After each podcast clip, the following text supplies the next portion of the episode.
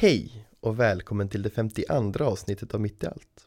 I veckan ska vi få träffa Maja Peijärvi som delar med sig av sin berättelse. Om du har några frågor eller funderingar så går det jättebra att höra av sig till mejladressen umia.mittiallt@svenskakyrkan.se. Eh, det finns en fantastisk hashtag ute på de sociala medierna som är hashtag mittiallt som man jättegärna får använda. Hoppas att du får en fin dag. Nu är det dags för veckans avsnitt. Ha det gött. Slow down, you move too fast.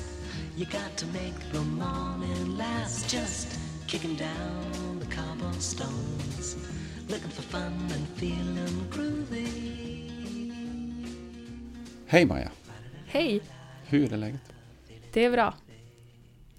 Det är det faktiskt. Du har haft påsklov. Hur var det? Det var skönt.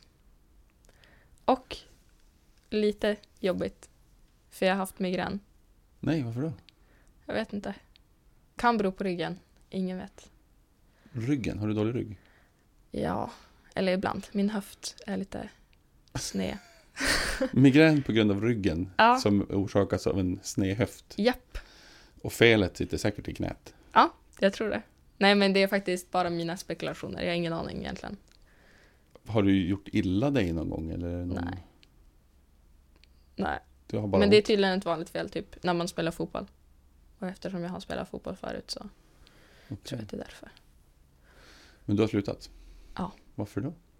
För att laget bestämde sig för att typ det var så många som slutade och typ Mm. de som var bra bytte till bättre lag för vi var inte så bra. Mm. Och de som var kvar spelade mest för att spela med laget liksom. Vi har spelat Mm. tillsammans sedan vi var sex. Så laget var som det man spelade för. Det var som inte för att man ville bli proffs eller någonting. Och då när laget skulle lägga ner då var det många som inte ville fortsätta eh, spela med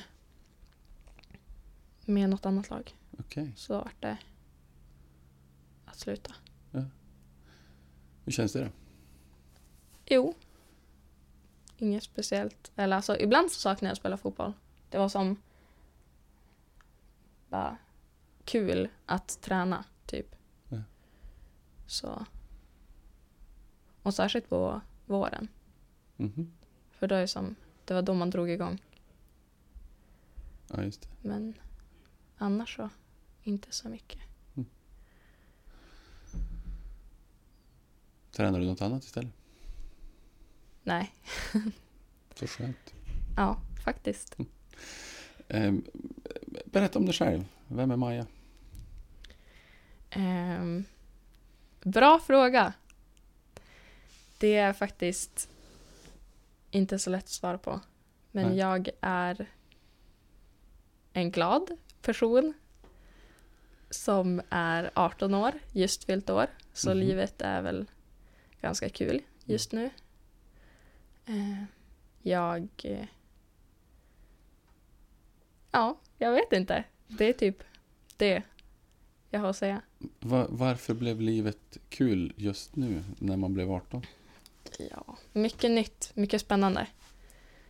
Eh, Man har som inga... Men jag vet inte hur jag ska formulera det. Det är kul att inte behöva tänka på andra. Det där lät jättesjälviskt, Ja. men det är faktiskt skönt att inte alltid behöva tänka, får jag göra det här? Hur ska jag göra det här? Typ, är det här okej för mina föräldrar? För att nu är det som jag som får bestämma själv ifall det är okej för mig. Om du förstår vad jag menar? Jag tror att jag förstår vad jag menar. Ehm, ehm, Det är ju skönt, Ja, tänker jag mig. Men, men jag kan tänka att det blir lite läskigt också. ja. Absolut. Jag har inte känt av det än. Alltså, det känns fortfarande ganska tryggt eftersom att jag är jag kände egentligen inte så stor skillnad från när jag var 17. Mm. Jag går i samma skola, jag har samma... Allting är som likadant egentligen. Förutom att jag typ kan köra bil ifall jag vill ta körkort. Ja. Och jag kan göra saker, jag kan fara iväg utan att jag behöver fråga mina föräldrar och så här. Du får rösta. Ja, det blir spännande. Fast det är ett tag kvar. Jag kan skriva på papper, Ja. inte en så stor grej, men Men Ganska ändå- stor grej. Men ganska stor grej, ja. ja. Eh, glad, säger du.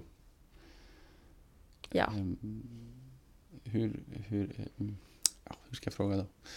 Eh, är det något som bara är eller är det, handlar det om ett, ett val du har gjort? Jag tror att det är lite både och. För man kan ju som alltid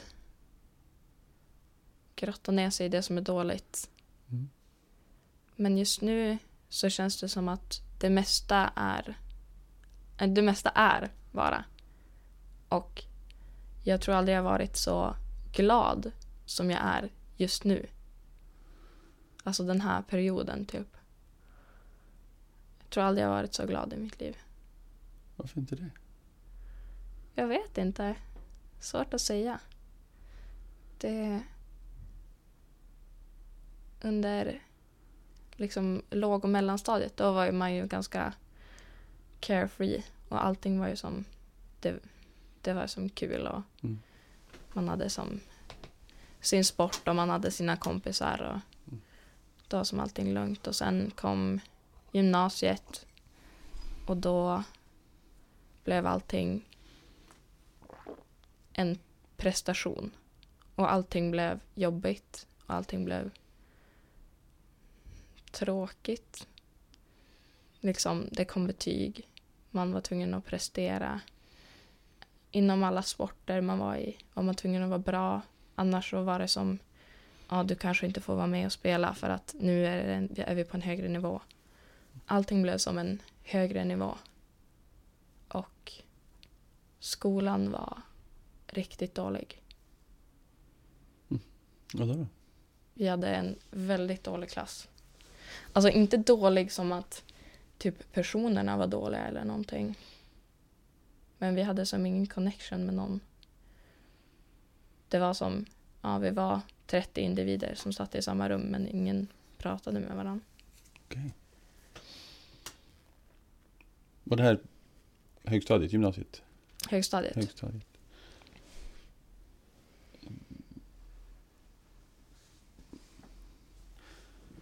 M- när vände det här då? Oj.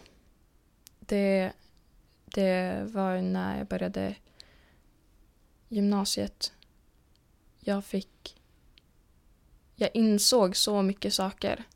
Under högstadiet så hade jag inte tänkt på att jag kanske inte mådde så bra. Jag kanske inte...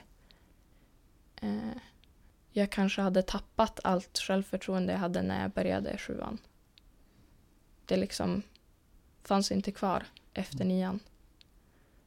Allt var som borta. Just i början av gymnasiet, då var det så här konstig vändning. För då var det så mycket nytt och så mycket som var så bra. Så då slog det nästan över. Så att det blev dåligt. Det låter jättekonstigt. Mm. Jag fick jättemycket nya vänner och jag trivdes jättebra med allting. Men jag kände mig ändå jätteensam. I början. Jag tror aldrig jag känt mig så ensam som jag gjorde i efter första terminen i gymnasiet. Men det blev också bättre Mm. efter en stund. Var, var kom den ensamheten ifrån? Det är svårt att säga. Jag tror att det har att göra med att liksom efter högstadiet så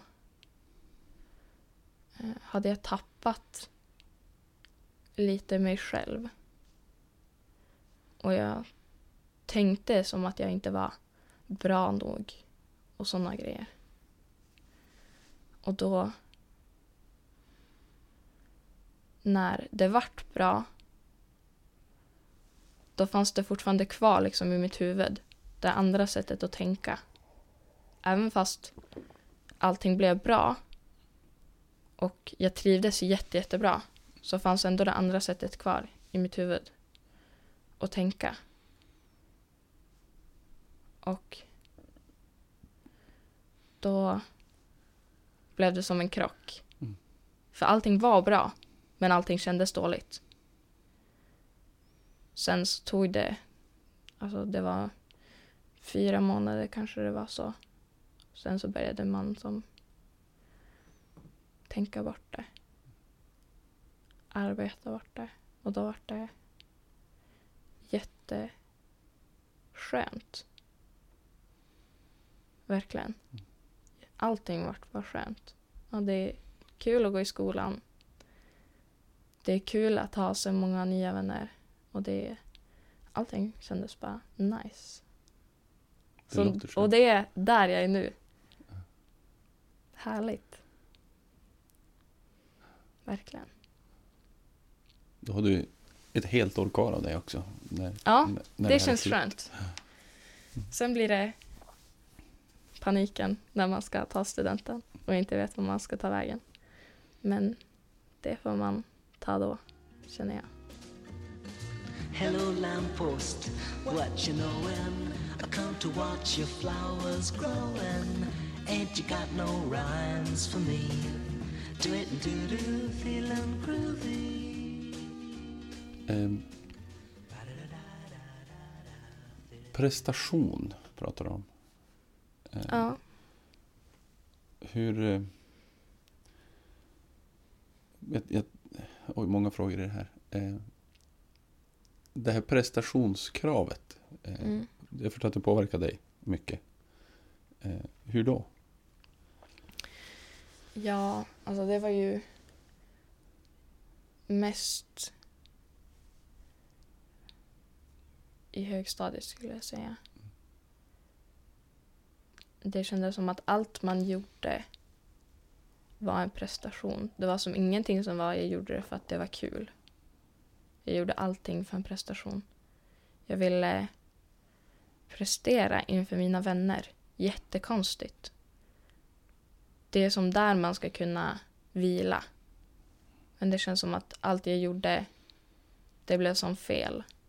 Och eh, jag kände att jag behövde leva upp till en speciell, typ att jag behövde vara den bästa personen av mig själv för att mina vänner skulle acceptera mig.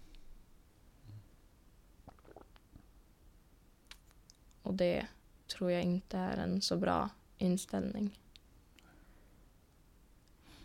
Och så känner jag absolut inte nu. Så det är skönt. Och det blir, jag tror att det är så för många i den åldern allting har som varit lek tills man börjar högstadiet.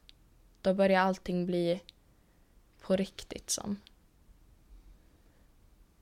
Man kan inte längre göra någonting bara för att man tycker att det är kul. Utan att det kommer ut någonting från det. Förstår du vad jag menar? Mm.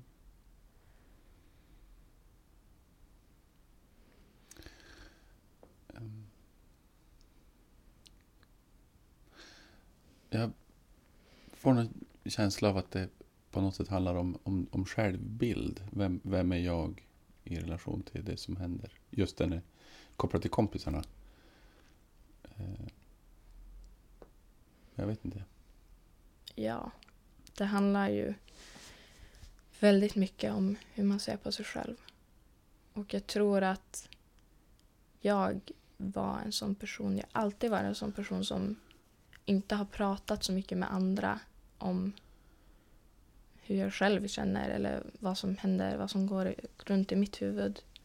Mina föräldrar har alltid sett mig som en person som har klarat sig själv. Jag har alltid varit den modiga. Jag har alltid varit den som inte behöver så mycket hjälp, inte så mycket stöd. Mm. Och min syrra har varit tvärtom. Så jag som inte behövt den grejen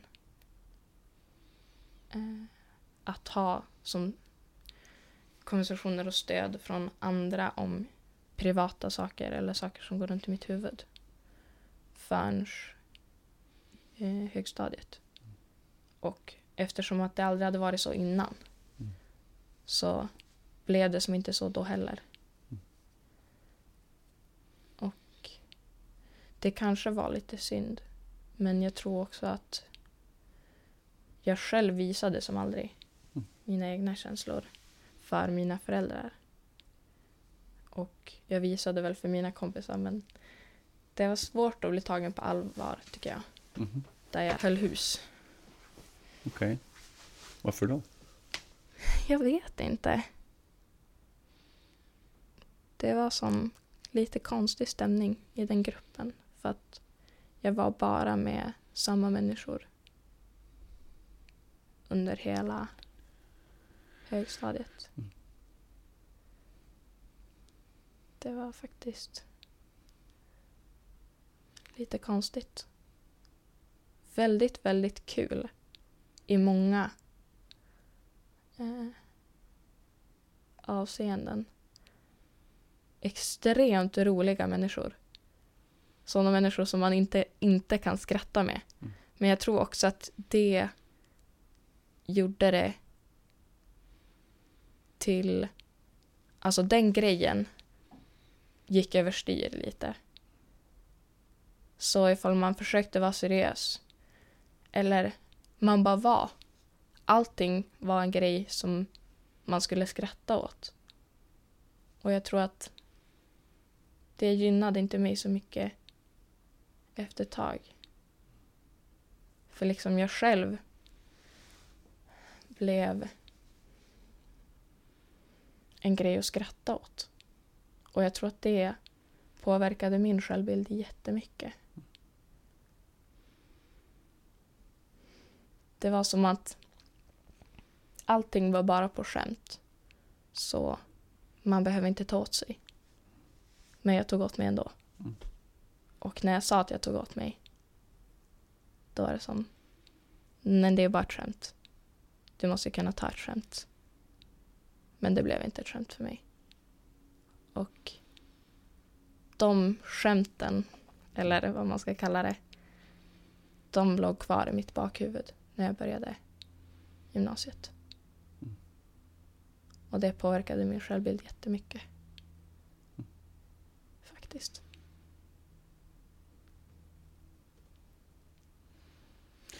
Eh, har ni kunnat prata om det här sen? Nej. Vi har faktiskt inte pratat så mycket om det. Eller det har ju kommit upp olika konversationer. Att liksom, ja, det kanske inte var det bästa. Jag tycker inte att det är roligt, sådana konversationer. Mm. Men jag som inte sagt riktigt exakt hur mycket det har påverkat mig. Men jag tror också att det har att göra med att när jag var där och då, Mm. då insåg jag inte hur mycket det påverkade mig. Det var förrän jag kom ur det. Det var då jag liksom insåg lite hur, hur det var. När man förstår att det kan vara på ett annat sätt. Då, Mm. då, Verkligen. ehm, det här med prestationskraven då. Jag tänker ju att, att de blir större. Det kräver mer när man börjar gymnasiet. Ja, Ehm, absolut. Men, men du säger att det är liksom, nu är det bara skönt. Eller, jag minns inte exakt hur du uttryckte det. Men, Ja. Alltså det är ju högre krav på liksom betyg. Det är Mm. mycket mer som krävs för att få bra betyg. Mm. Eh, och det är också ganska mycket krav från, eftersom jag går en musiklinje. Mm. Det är liksom, man vet ju vem som är bra och man Mm. vet vem som är dålig. Mm. Och då krävs det ganska mycket för att liksom vara bra. Eftersom jag inte har hållit på med musik innan heller. Så jag gick ju in med så här en tanke, ah, kul, jag vill göra musik. Jag vill göra något som jag tycker är roligt, Mm. för en gångs skull. Mm. Men det är ju, folk har ju väldigt olika syn. Vissa ser ju musiken som det enda, liksom det här ska jag jobba med. Mm. Och jag är bra och jag vet det. Jag vill ju lära mig. Det blir en liten krock. Men jag tror också att folk ändå inser att man är på olika nivå. Och det är jag tacksam för. Mm. Hur, eh, någonting måste ju vara förändrat i och med att, att de, de ändå högre prestationskraven är lättare att hantera. Eh, men, men det kanske handlar om den här processen kring, kring dig själv och självbild, självförtroende. Eh, som, som men, när du får vara i ett sammanhang där du fungerar bättre, trivs bättre, då, då är det också lättare att hantera de ökade prestationskraven. Jag vet inte, eller kan du se något annat? Nej, men det håller jag nog med om. För i början, eh, den här krocken jag snackade om, Mm. att ens huvud inte var på samma, alltså ens mentala eh, bild var som inte på samma nivå som Mm. hur det var egentligen. Jag tror att det har jättemycket att göra med att det kom nya prestationer, nya saker och ja, allting blev nytt. Men man själv var fortfarande fast i det här. Jag är inte bra nog. Mm. Det här kommer gå jättedåligt. Jag vet att jag typ inte kan. Fast man var som ändå glad över att man hade hittat ett ställe där man trivdes. Och då blev det, då blev det kaos. så den perioden var så himla konstig, för jag var som jätteglad, fast jätteledsen i mig själv. Eh, och efter att man hade kunnat liksom komma över det, då blev det skönt. Mm. och då blev det nice.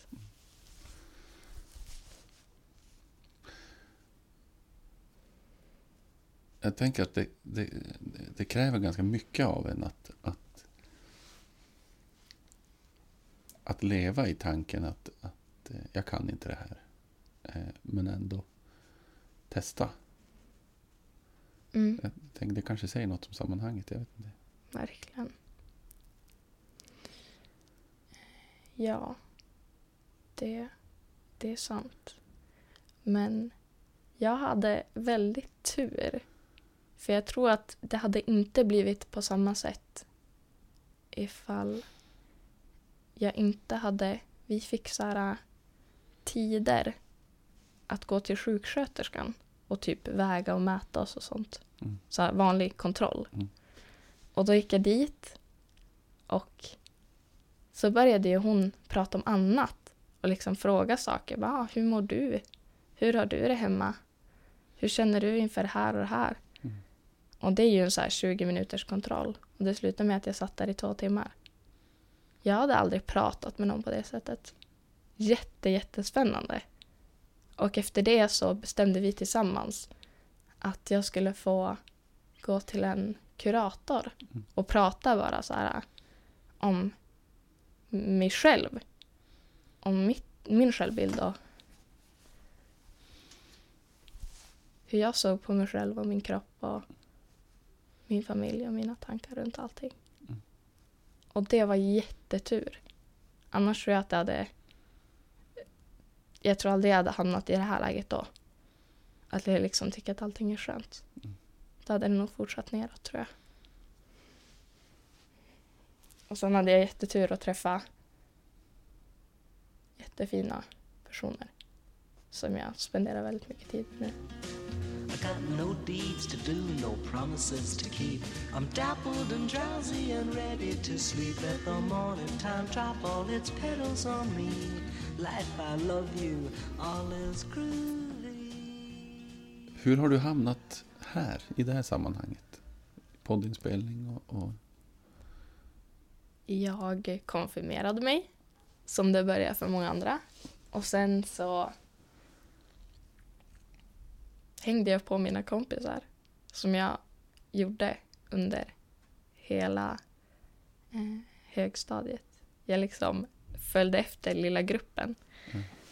De jag alltid var med. Mm. Och då hade vi, jag tror, jag kommer inte ihåg, men vi hade tillsammans bestämt oss för att vi skulle gå på första centralen-kvällen Mm. Efter konfan för att de flesta hade tyckt att konfan var jättespeciell och jätterolig.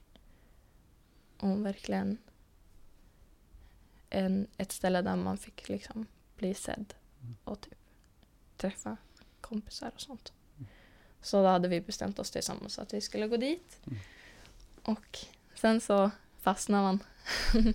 Nej men efter det så började de ju snacka om lubb och alltihopa. Och man var taggad. Jag blev jättetaggad. Så jag hängde på och nu har jag gått ut ledarutbildningen. Det Ja. känns faktiskt helt sjukt att det var tre år sedan tiden jag går fort. började. Ja. Mm. Ja. Eh, ledarutbildning säger du, eh, alltså lubb. Eh, hur är du som ledare? Bra fråga. Ja. Det är faktiskt, jag tycker det är jättesvårt att svara på själv eftersom att jag vet inte hur andra uppfattar mig som Mm. ledare. Men jag skulle säga att jag är en ganska lugn ledare. Det finns mycket tagg och sånt också. Mm. Men jag känner att jag är ganska bra på att hålla lugnet. Och jag tror att det kan vara en trygg punkt för många som inte är jätte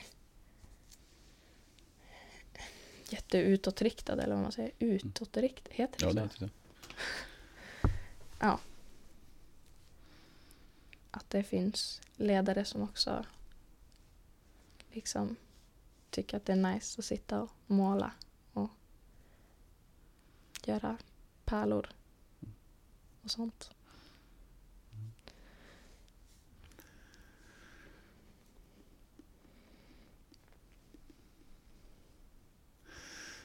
Jag vet ju att omständigheterna kring, kring ditt konfaläger eh, var lite speciella.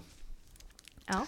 I och med att, eh, att ni var en grupp på en bit över 40 deltagare. Bara tjejer. Jajamän.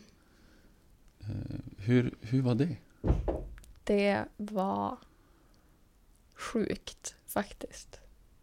Innan, så jag kommer ihåg att alla var typ så här ledsna för att det inte skulle vara några killar där. Och bara, åh, jag vill ju vara med killar. För det Mm. var ju största grejen då. Mm. Ehm, och att alla mina kompisar nästan hamnade på samma läger utan att vi hade liksom planerat. Jag hade planerat med typ någon person. Men sen så insåg man att alla nästan som jag var nära med under den tiden, folk jag kände, det var jättemånga som jag kände på det lägret. Mm. Och jättemånga jag inte kände. Och alla de här tjejerna, jag förstår inte hur, hur det gick till, men vi vart ju kompisar tredje dagen. Och det var faktiskt helt sjukt hur trygg man kunde känna sig med folk man inte kände egentligen. Och jag tror att mycket av det har att göra med att alla var tjejer. Hur tänker du då? Jag vet inte. Det skapade en mer trygg miljö. Jag vet inte varför. Men jag tror att det hade varit mer prestation ifall det hade varit killar där också.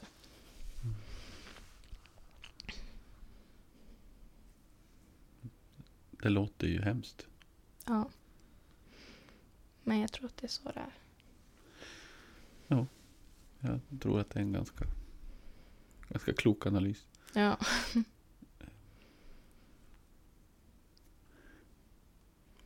Och det är inte så roligt att tänka på.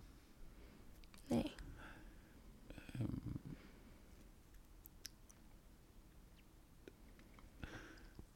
Din tro. Hur, hur tänker du kring, kring det? Begreppet tro. Vad, vad tror du på? Har du någon tro?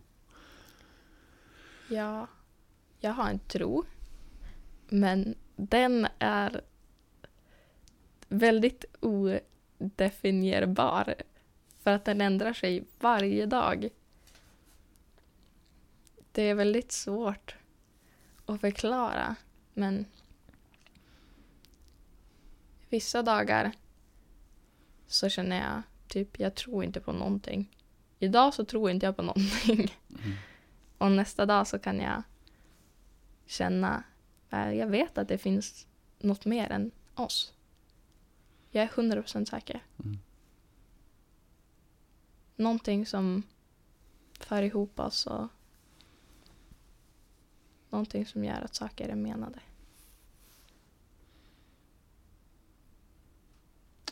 Skulle du kunna kalla det för Gud? Jag? Ja.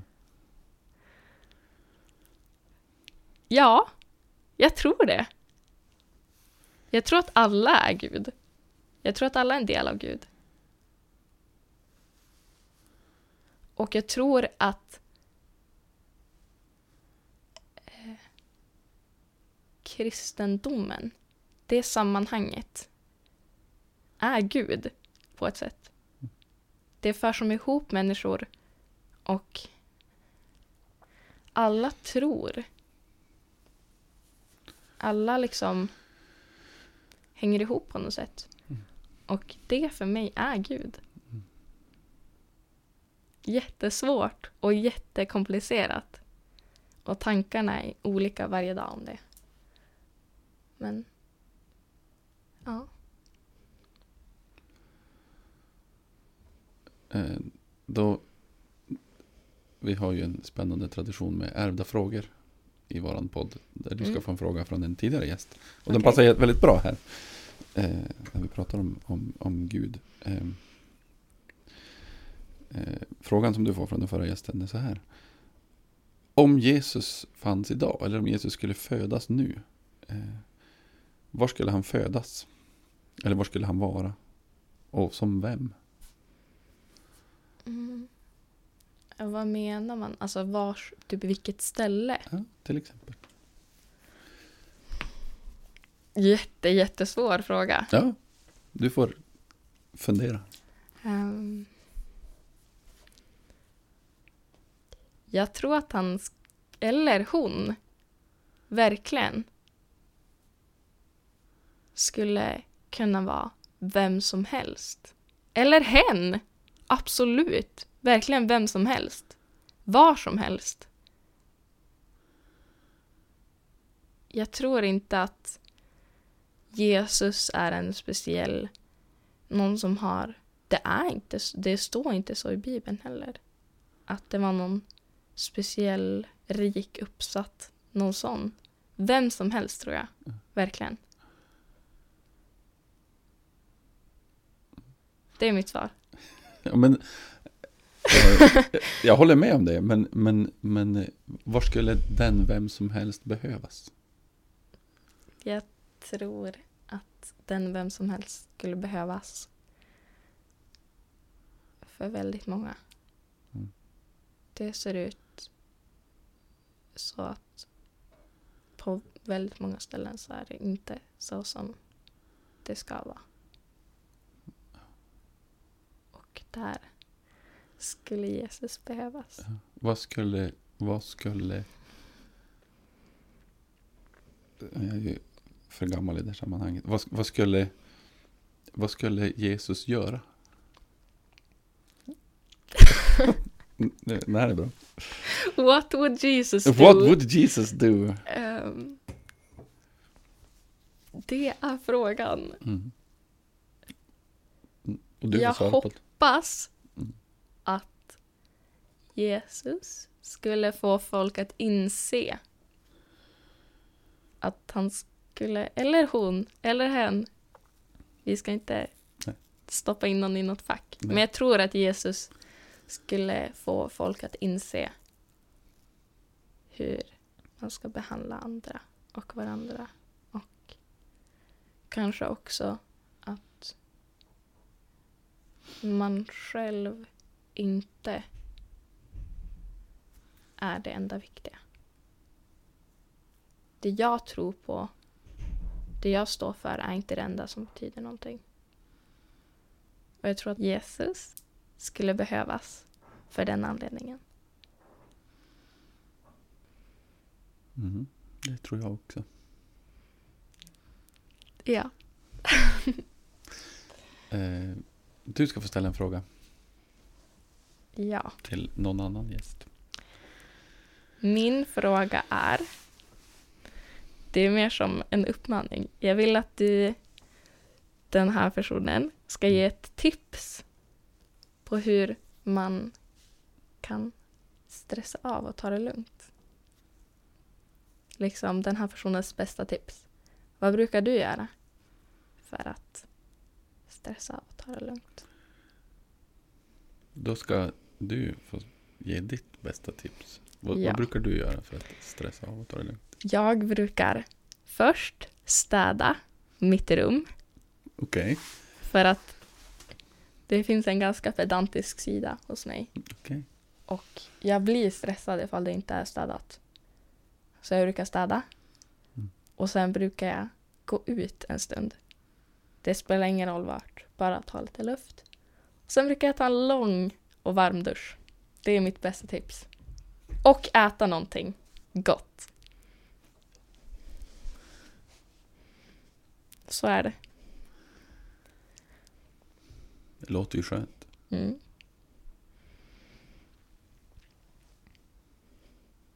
Ingen musik. Det beror på. Jag skulle säga att musiken alltid är med. Även om man vill eller inte. Förklara. Men musik finns ju överallt där vi är. Liksom, går man in i en butik eller på tvn, på radion, i bilen, i skolan, jag går en musiklinje. Mm. Men, eller när man lyssnar på musik. Men även om jag inte lyssnar på musik så finns ju musiken någonstans i mitt bakhuvud. Går runt och nynnar på någon melodi eller sjunger någonting eller den är som alltid med.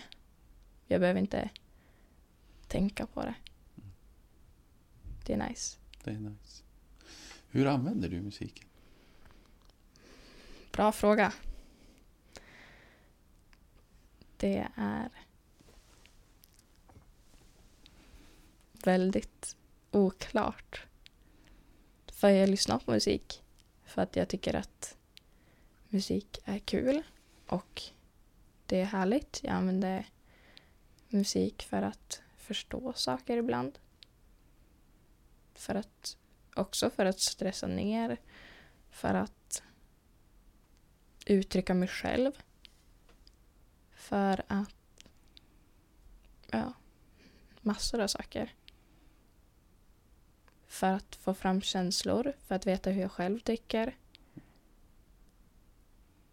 Jätte, jättemycket saker. Ehm, jag är en sån här person som, som polariserar och, och, och drar saker till ytterligheter ofta. Ehm,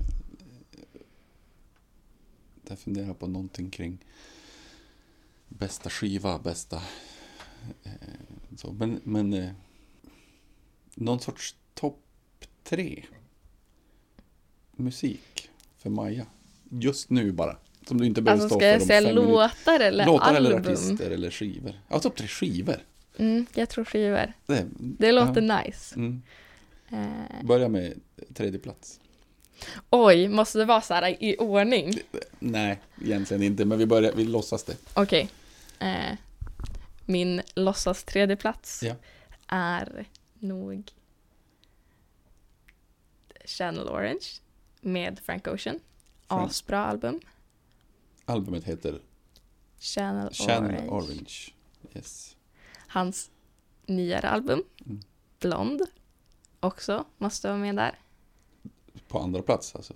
Låtsas Ja. tvåa. Precis, Låtsas 2.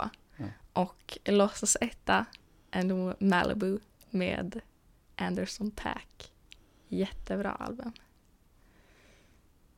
Allt är typ R&B, soul. Vad är de så bra? Det vet jag inte riktigt. Jag tycker om den musiken. Jag har lyssnat mycket på den musiken. Väldigt svängigt. Särskilt Malibu. Väldigt svängigt. Eh, Och Frank är bara asbra. Det är en fantastiskt skön motivering. Mm. Vi har varit inne på det lite grann. eh, Så, men, men vi ska ändå gå- tillbaka det hållet. Eh, Finns det någon person eller någon händelse i ditt liv som är viktig för dig, som har påverkat dig? Ja. Som du En- vill berätta om? en händelse som jag, jag var inte med då. Eller jag var väl med men jag kommer inte ihåg det. Det var när mina föräldrar skildes. Det har, alltså det har ändrat allt i mitt liv. Jag har två bro, brorsor som jag inte skulle ha ifall mina föräldrar inte skildes. Jag har en till mamma och en till pappa. Och jag har massa släkt jag aldrig skulle ha träffat. Ja, det har förändrat verkligen jättemycket. Och alla de människorna betyder jättemycket för mig. Så det har förändrat typ allt i mitt liv. Men jag får en känsla för att du, att du uttrycker det här som, som en väldigt positiv förändring. Ja, För det, min erfarenhet är ju inte den att eh, föräldraseparation gör saker bättre. nej. Det är ju ett sätt att se på det.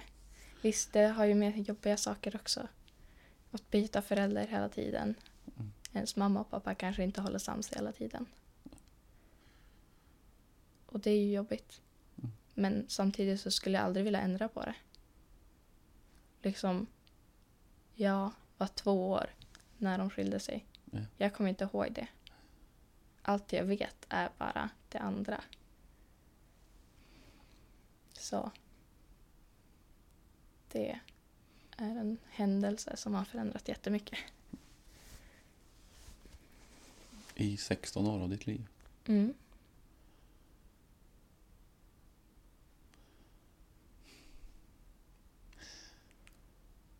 Jag tänker att det måste vara hoppfullt för, för alla de som lever i, i sina föräldrars separation. Att våga tänka tanken. Att se på det på det sätt som du gör. Att ja, det kanske är piss just nu men, men, men över tid så kanske det ändå är det bästa. Ja, verkligen. Att det kan finnas en sån möjlighet i alla fall. Ja. Det är sjukt faktiskt. Mina två 11-åriga brorsor som inte är släkt på något sätt. Men har samma systrar. Mm. Det är, Båda är lika, gam- de är lika gamla. ja, eller det, de är födda olika år men det skiljer bara två månader. Okej. Helt fantastiskt. Ja.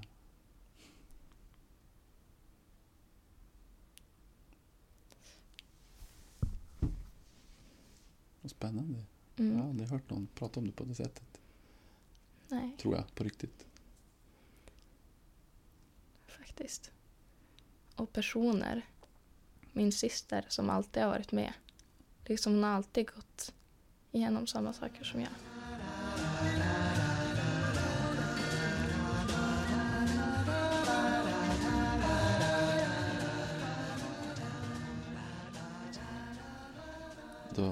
Ska vi få säga tack, Maja. Tack så mycket för att jag fick vara här. Tack för att du kom och delade din berättelse Mm. med oss. Det är värdefullt. Verkligen. Eh, och som alla så ska du få välja en låt som avslutning av din podd. Eh, Du får berätta vilken och gärna varför du har valt den. Ehm, jag har valt Closer med JP Cooper för att när jag är ensam så brukar jag lyssna på den låten och den är ganska ledsen men jag tycker att den ger en typ styrka och ändå så här man vet att man kommer hem till slut. I wish I was closer. I'll be watching over. And if you're too small to see, I lift you on my shoulders. If you're feeling low, I'll hold you. I wanna be there in the morning, so I'm working through the night. And I'll be smiling at you, yawning while you're rubbing those brown eyes. And if you ever need me, call me. I wanna make sure you're alright. I don't wanna be so far from home.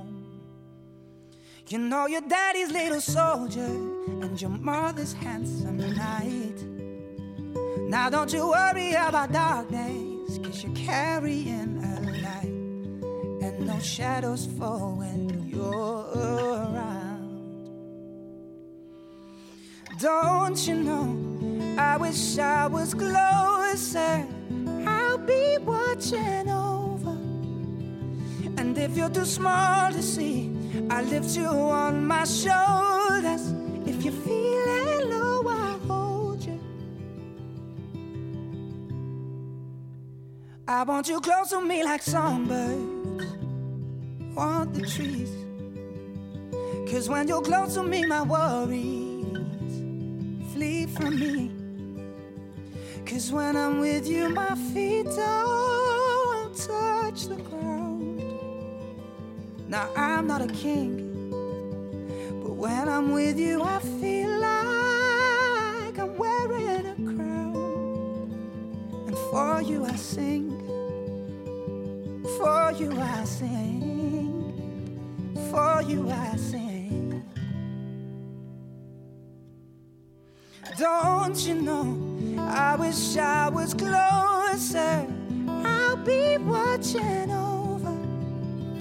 And if you're too small to see, I'll lift you on my shoulders. If you're feeling low, I hold you. Oh, don't you know? I wish I was closer. I'll be watching over. And if you're too small to I lift you on my shoulders. If you're feeling low, I'll hold you. Don't you know? I wish I was closer. I'll be watching over.